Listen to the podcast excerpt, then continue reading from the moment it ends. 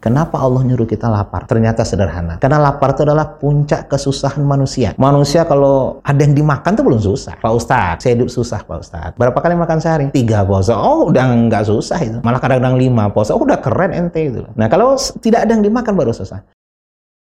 Bismillahirrahmanirrahim. Assalamualaikum warahmatullahi wabarakatuh. Alhamdulillahirrabbilalamin.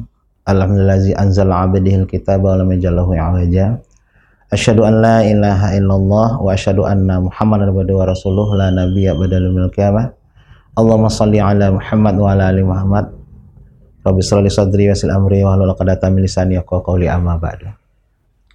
Kaum muslimin dan muslimah, sahabat teras dakwah dirahmati Allah. Syukur alhamdulillah kita bisa bersilaturahmi talabil ilmi dalam kesempatan ini yang disiarkan oleh uh, teras dakwah. Semoga menjadi amal ibadah bagi kita semua. Kita lanjutkan uh, kajian kita tentang Syahrul Ramadan, Syahrul Riyadhah bahwa uh, kemarin kita bahas bahwa puasa itu melatih kita tentang kekuatan niat dan seni untuk menahan. Kemarin kita jelaskan kita bisa menahan yang halal, yang haram bisa kita tahan. Hari ini kita akan membahas uh, apalagi yang dilatih oleh Ramadan kepada kita. Ini sebenarnya untuk melatih diri kita saja oleh Allah Makanya Allah diwajibkan dengan dimensi ini kita bisa mengerti. Seluruh ibadah mulai dari sholat, mulai dari haji, zakat, puasa, itu dibuktikan dengan berbagai dimensi sudah ditemukan oleh beberapa ulama. Ada dimensi spiritual, ada dimensi sosial. Ibadah sholat sosialnya ketika kita berjamaah, ya, itu bisa membangun jaringan. Dimensi kesehatan haji ya dengan seluruh manasik haji kita mengganggu yang fisik itu kurang sehat. Dan dimensi sosial haji itu sangat luar biasa. Kita sadar bahwa kita sama di hadapan Allah. Zakat juga punya dimensi spiritual dan dimensi sosial. Nah puasa sudah kita jelaskan tadi dimensi spiritualnya. Sekarang kita menyentuh dimensi uh, kesehatan dan sosial. Menurut uh, hadis Rasulullah ya sumu antasihu, puasalah kalian, kalian akan sehat kata Rasulullah. Nah, sholat pun kalau kita urai, bahwa sholat itu adalah kesehatan. Ya. Rasulullah tidak pernah diriwayatkan punya olahraga khusus seperti kita. Apakah beliau bersepeda pagi-pagi seperti kita, atau jalan pagi di selokan Mataram, push up, gantung-gantungan, nggak ada Rasulullah. Tapi beliau sehat luar biasa. Dari mana kesehatan beliau muncul? Ya dari ibadah tersebut. Kalau kita sudah banyak buku-buku yang ditulis oleh para ulama dan yang berbasis ilmu kedokteran bahwa ruku itu merupakan kesehatan. Ketika kita ruku karena otak kita di atas, jantung di sini, dia selalu memompa darah ke atas. Dan dari atas dari bawah ke atas kan punya, harus ada daya. Nah, ketika kita ruku, itu terbantu kerja jantung ketika memompa darah ke otak. Ketika kita sujud, ya Berarti posisi kepala kita di bawah daripada jantung. Itu akan memompa darah kepada otak sangat luar biasa. Bahkan di Inggris ada orang majiri mu'alaf ketika dia meneliti bahwa posisi sujud itu adalah ada empat saraf yang dilalui oleh darah dan posisinya hanya hanya ketika bersujud. Itulah hebatnya dimensi kesehatan. Jadi kalau kita sholat dengan benar, kita puasa dengan benar, kita sudah sehat. Gak perlu kita melakukan olahraga-olahraga khusus seperti lain. Nah, itu dimensi kesehatannya ibadah sholat. Lo puasa di mana sehatnya? Ini sudah banyak dibentukkan dalam artikel bahwa kata Rasulullah, kalau kalian ingin sehat, puasalah. Nah, sekarang kita lihat lambung kita. Uh, penyakit itu sebenarnya kalau kita kaji secara mendalam, itu sumbernya cuma dua.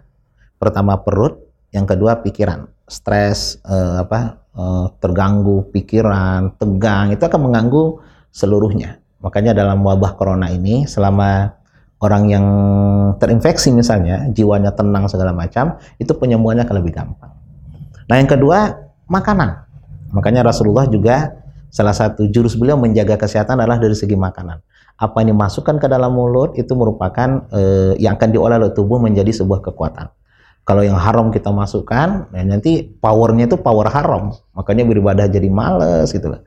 Melihat orang taat kita jadi gimana gitu lah itu karena yang haram kita masukkan doa kita nggak dikabulkan Allah nah perut kita menurut ilmu biologi itu uh, punya tugas me melumat makanan.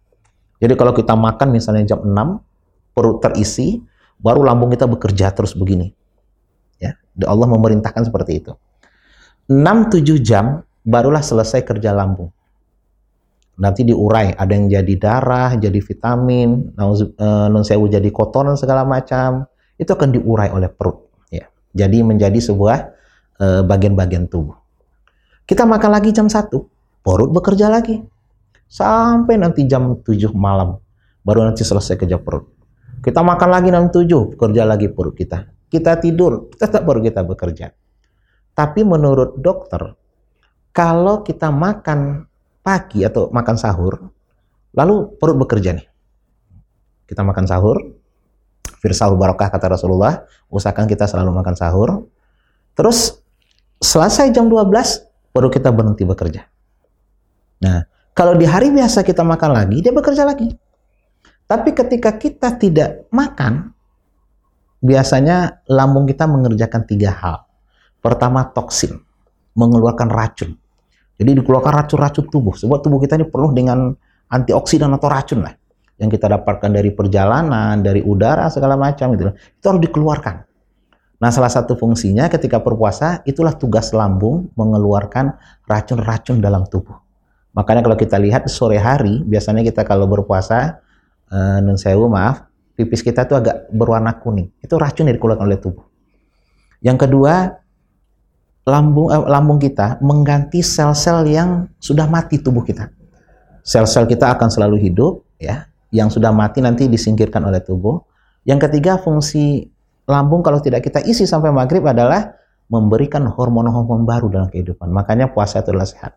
Perhatikan orang-orang tua kita dulu ketika mereka rajin Senin Kamis di luar puasa Ramadan itu biasanya orang-orang yang sangat sehat dalam physically.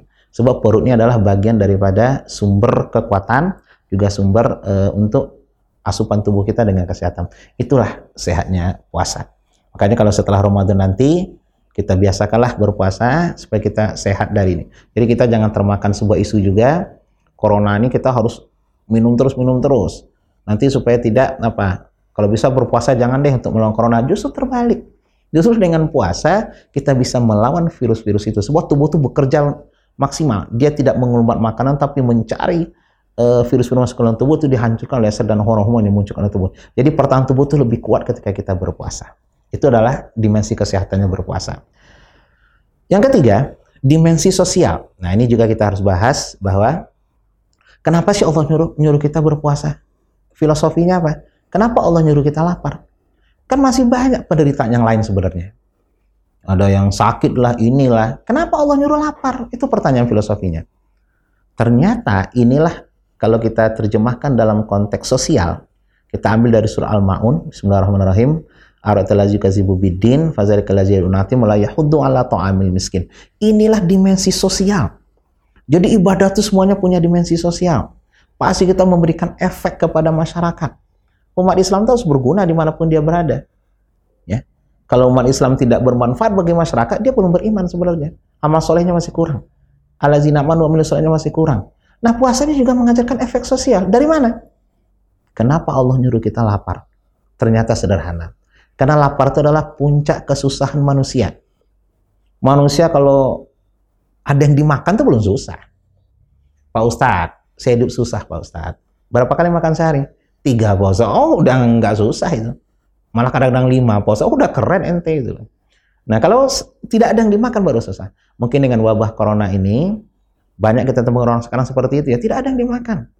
Bahkan dalam media sosial ada yang sampai jual HP, ada yang meninggal kemarin di daerah eh, Jakarta, Tangerang, karena sudah dua hari tidak makan, karena tidak ada makanan. Belum ada uluran. Nah, di bulan puasa inilah kita diajarkan seperti itu sebenarnya. Kenapa Allah nyuruh kita lapar? Supaya tahu rasanya lapar. Hmm, sederhana tuh. Kalau kau ingin tahu rasa lapar kata Allah, kau harus lapar. Jangan cari di internet. Apa itu lapar? Apa definisi lapar? Enggak akan bisa.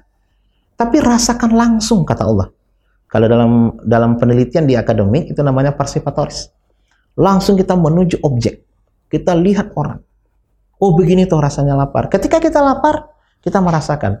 Oh begini rasanya perut kosong diajak bekerja. Oh begini rupanya perut kosong diajak beraktivitas. Oh bagaimana saya membayangkan saudara-saudara yang kelaparan mungkin di daerah Syria, di daerah Palestina segala macam. Corona ini mengajarkan juga kepada manusia negara-negara kita potong sedikit, negara-negara yang suka menjajah seperti Amerika, seperti Spanyol itu negara penjajah semua tuh, Inggris, Italia. Kalian menjajah negara lain ya. Dengan kesusahan makanan, intimidasi, takut dengan kematian. Sekarang dengan corona kalian merasakan itu. Ya. Kalian merasakan itu. Bagaimana dihantui dengan kematian, dihantui dengan kelaparan, intimidasi, nggak boleh keluar rumah. Mudah-mudahan setelah wabah corona berlalu, kalian sadarlah. Nggak usahlah menjajah-jajah negara lain itu. Menyiksa, menzolimi negara lain itu. Sebab kalian sudah merasakan itu. Nah dengan puasa tadi coba lihat. Ya, mudah-mudahan ini sama ya, ajaran Allah dengan corona untuk seluruh manusia dan puasa untuk kaum muslimin. Kenapa Allah nyuruh kita lapar? Supaya tahu rasanya lapar. Suatu saat kalau ketemu orang lapar, kita sudah merasakan. Jam 5 sore misalnya ada pengemis datang ke rumah. Pak, siapa pengemis Pak? Udah tahu kok dari wajah. Pak, saya belum makan dari pagi Pak. Oh iya, dari pagi belum makan. Nah, karena kita pernah merasakan, biasanya kita kasih, oh tenang Pak, saya juga pernah merasakan dulu lapar. Bapak, saya siapkan makanan. Tapi orang yang tidak pernah merasakan lapar, malah dikasih nasihat. Bapak dari pagi belum makan ya, lemes ya. Makanya besok kalau ngemis Pak, sarapan dulu Pak itu. Nah karena dia tidak pernah merasakan lapar, malah dinasehatin.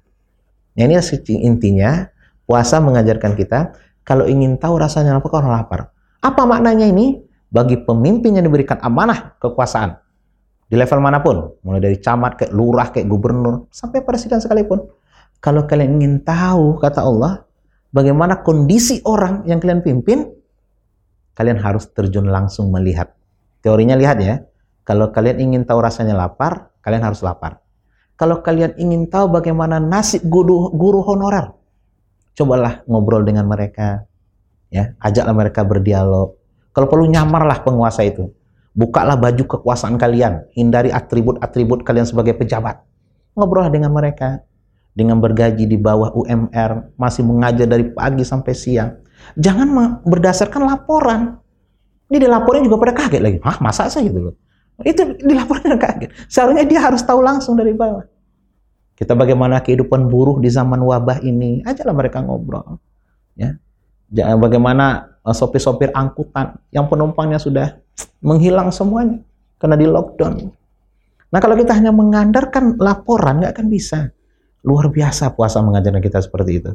Kalau kau ingin tahu sesuatu kata Allah, kau harus terjun langsung. Dulu ada sebuah acara di TV swasta. Judulnya adalah Jika Aku Menjadi. Seorang mahasiswa-mahasiswi itu disuruh bertukar peran. Dia disuruh hidup, tidur, makan selama tiga hari saja dengan profesi tertentu.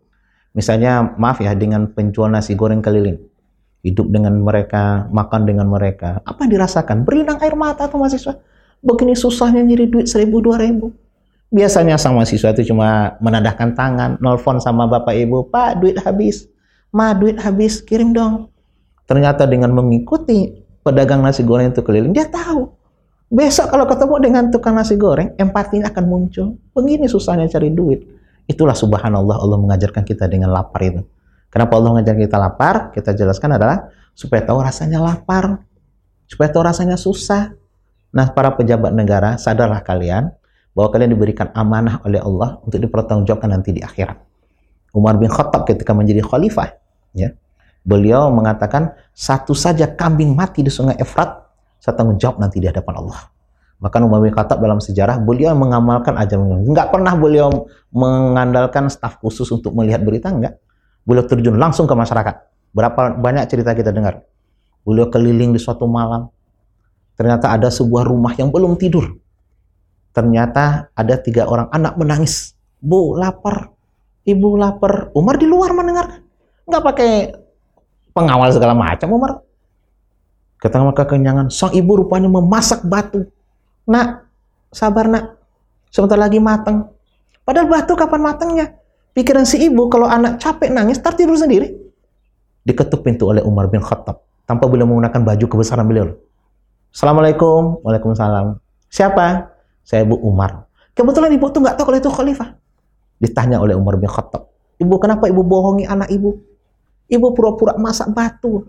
Kapan matangnya batu? Mereka sudah kelapar. Apa kata si ibu? Itulah nasib saya orang miskin. Nggak ada yang saya masak. Sedangkan khalifah saya Umar enak-enakan di istana. Padahal di depan itu ada Umar. Mungkin kalau sekarang sudah di superset. Umar marah nggak? Enggak. Beliau malah merasa ditampar oleh ibu itu. Inilah amanah beliau. Dalam riwayat beliau pulang ke Baitul Mal, beliau bawa gandum, beliau gendong sendiri. Maka dalam riwayat ketika pengobrol mengatakan, Khalifah biar saya gendong. Mau nggak kau gendong dosa saya di akhirat kata Umar. Nggak mau. Ya udah biar saya gendong sini. Digendong sama Umar bin Khattab. Ya. Dibawa ke rumah ibu tersebut. Bu, ini beras silahkan masak. Apa kata si ibu? Nah, ente cocok jadi khalifah. Pada itu adalah Umar bin Khattab pada saat itu. Masih banyak cerita beliau berkeliling hampir tiap malam. Beliau berkeliling di kota Madinah karena beliau khalifah. Nah sekarang kita lihat ada nggak pemimpin kita seperti itu? Nah, kita lah nanti generasi muslim ke depan kalau kita diberikan amanah oleh Allah di level mana pun walaupun terkecil bagi rektor segala macam cobalah saya sekali jangan rektor itu hanya bekerja naik mobil AC sampai di kantor berkurung di kantor pulang lagi itu cobalah ngobrol dengan maaf ya misalnya tukang parkir aja mereka ngobrol aja mereka minum-minum biar tahu apa keluhan mereka apa kebutuhan mereka. Biar kebijakan kita tuh tidak tepat sasaran. Ya buruh segala macam. Ini ada undang-undang yang dibahas oleh wakil rakyat kita. Karena tidak pernah ngobrol dengan buruh. Diajak ngobrol aja enggak itu hebat kan puasa mengajarkan kita seperti itu? Nah sadar nggak kita sekarang? Bahwa ketika kita sudah merasakan seperti itu jangan kita melakukan lagi. Negara-negara penjajah seperti negara superpower. Kalian menjajah di mana-mana. Di Asia di uh, Afrika kalian jajah. Bahkan orang tidak makan anak-anak mati dipisah kehilangan orang yang cintai. Sekarang kalian merasakan dengan tentara Allah yang bernama Corona yang besarnya sebesar nano itu kalian merasakan juga rasanya ketakutan. Yang nggak bisa keluar rumah. Ancaman kematian kelaparan kehilangan pekerjaan. Sama dirasakan oleh teman-teman kita di Syria di Palestina. Nah mudah-mudahan dengan ini kalian sadarlah. Tobatlah kepada Allah Sang Maha Pencipta. Tidak berani lagi melakukan kezoliman kepada manusia lain. Karena kalian sudah merasakan. Nah kalau sudah merasakan, nggak berempati juga, berarti hati kalian sudah lebih keras daripada batu. Ya. Tidak punya rasa kemanusiaan, tidak punya segala macam. Masih melakukan uh, penyiksaan, masih melakukan penyiksaan, masih melakukan pembunuhan. Padahal kalian sudah merasakan dengan wabah corona ini begitu takutnya dengan kematian, takutnya dengan kelaparan, mencarah di mana-mana. Nggak boleh keluar rumah. Keluar rumah ditangkap, di apa segala macam. Berkurung. Itu dirasakan oleh saudara-saudara kita di Timur Tengah. Yang selama dijajah. Nah, kalian sekarang merasakan itu. Nah, kalau dengan ini saja tidak bisa lagi kalian berubah sikap kepada lain. Dengan apa lagi Allah mengajarkan kita, memperingatkan kita. Apalagi corona ini semacam kiamat kecil bagi kita. Menghancurkan seluruh sendi kehidupan sebelum datang nanti kiamat besar. Sayang Allah kepada kita. Diperingati kita dengan corona. Supaya kita sadar. Sebelum datang nanti kiamat besar. Marilah bertobat kepada Allah. Marilah kita gunakan sisa hidup kita untuk meningkatkan iman kita, meningkatkan amal soleh kita. Apalagi dengan wabah ini, banyak orang yang di PHK. Banyak orang yang tidak tahu lagi besok makan apa. Semua semuanya ditutup segala macam. Nah kita berikan rezeki lebih kepada Allah, berbagilah. Ingat tadi teori kita ajarkan puasa, karena kita sudah pernah merasakan lapar, kita akan tahu perasaan seperti itu. Jadi gunakanlah sisa hidup kita untuk membantu sesama. Bapak kayak dalam dalam sebuah bapak tadi katakan bahwa sebagai muslim itu adalah bermanfaat untuk orang lain. Kehadiran kita di kampung, kehadiran kita di tempat tinggal kita, di perumahan kita, merasa aman orang dengan kita, merasa senang, sering kita bantu, itulah wujud daripada iman sebenarnya kepada Allah. Maka Allah selalu menggandengkan dalam Al-Quran, Alazina amanu wa amilus solih. Nah dengan puasa ini kita juga belajar hidup ini hanya sebentar, hidup ini hanya sebentar. Sekarang kalau tidak dengan corona, tidak ada kebanggaan kita dengan dunia. Orang-orang negara besar yang merasa selama ini hebat. Tentara kami nomor satu di dunia. Alutsista kami canggih. Allah kasih corona saja, kelepek-kelepek. Mau nembak apa orang nggak kelihatan. Ya. Yang kan salah satu contoh. Nah selama ini apa yang mau kalian banggakan? Tidak ada kesombongan sekali. Hancur kesombongan dengan wabah seperti ini. Lalu Allah hadirkan dengan Ramadan supaya kita bertambah peringatkan kita bahwa hidup ini hanya sebentar, yang lainnya hanya titip kepada Allah, gunakanlah untuk kebaikan kepada manusia lain. Kalau dengan corona itu tidak tidak saga, dengan cara apa lagi Allah memperingatkan kita dengan sayang kita? Dan kita orang beriman, tingkatkan iman kita kepada Allah dengan bulan puasa, Mari kita gunakan seluruh waktu kita berada kepada Allah dan salurkanlah bantuan-bantuan kita kepada saudara-saudara kita yang membutuhkan. Itulah inti daripada iman dan amal soleh yang akan mendapatkan sorga jannatun naim. Semoga bermanfaat. Ya subhanakallahumma bihamdika asyhadu an la ilaha illa anta astaghfiruka wa atubu ilaik. Assalamualaikum warahmatullahi wabarakatuh. Haus juga ya?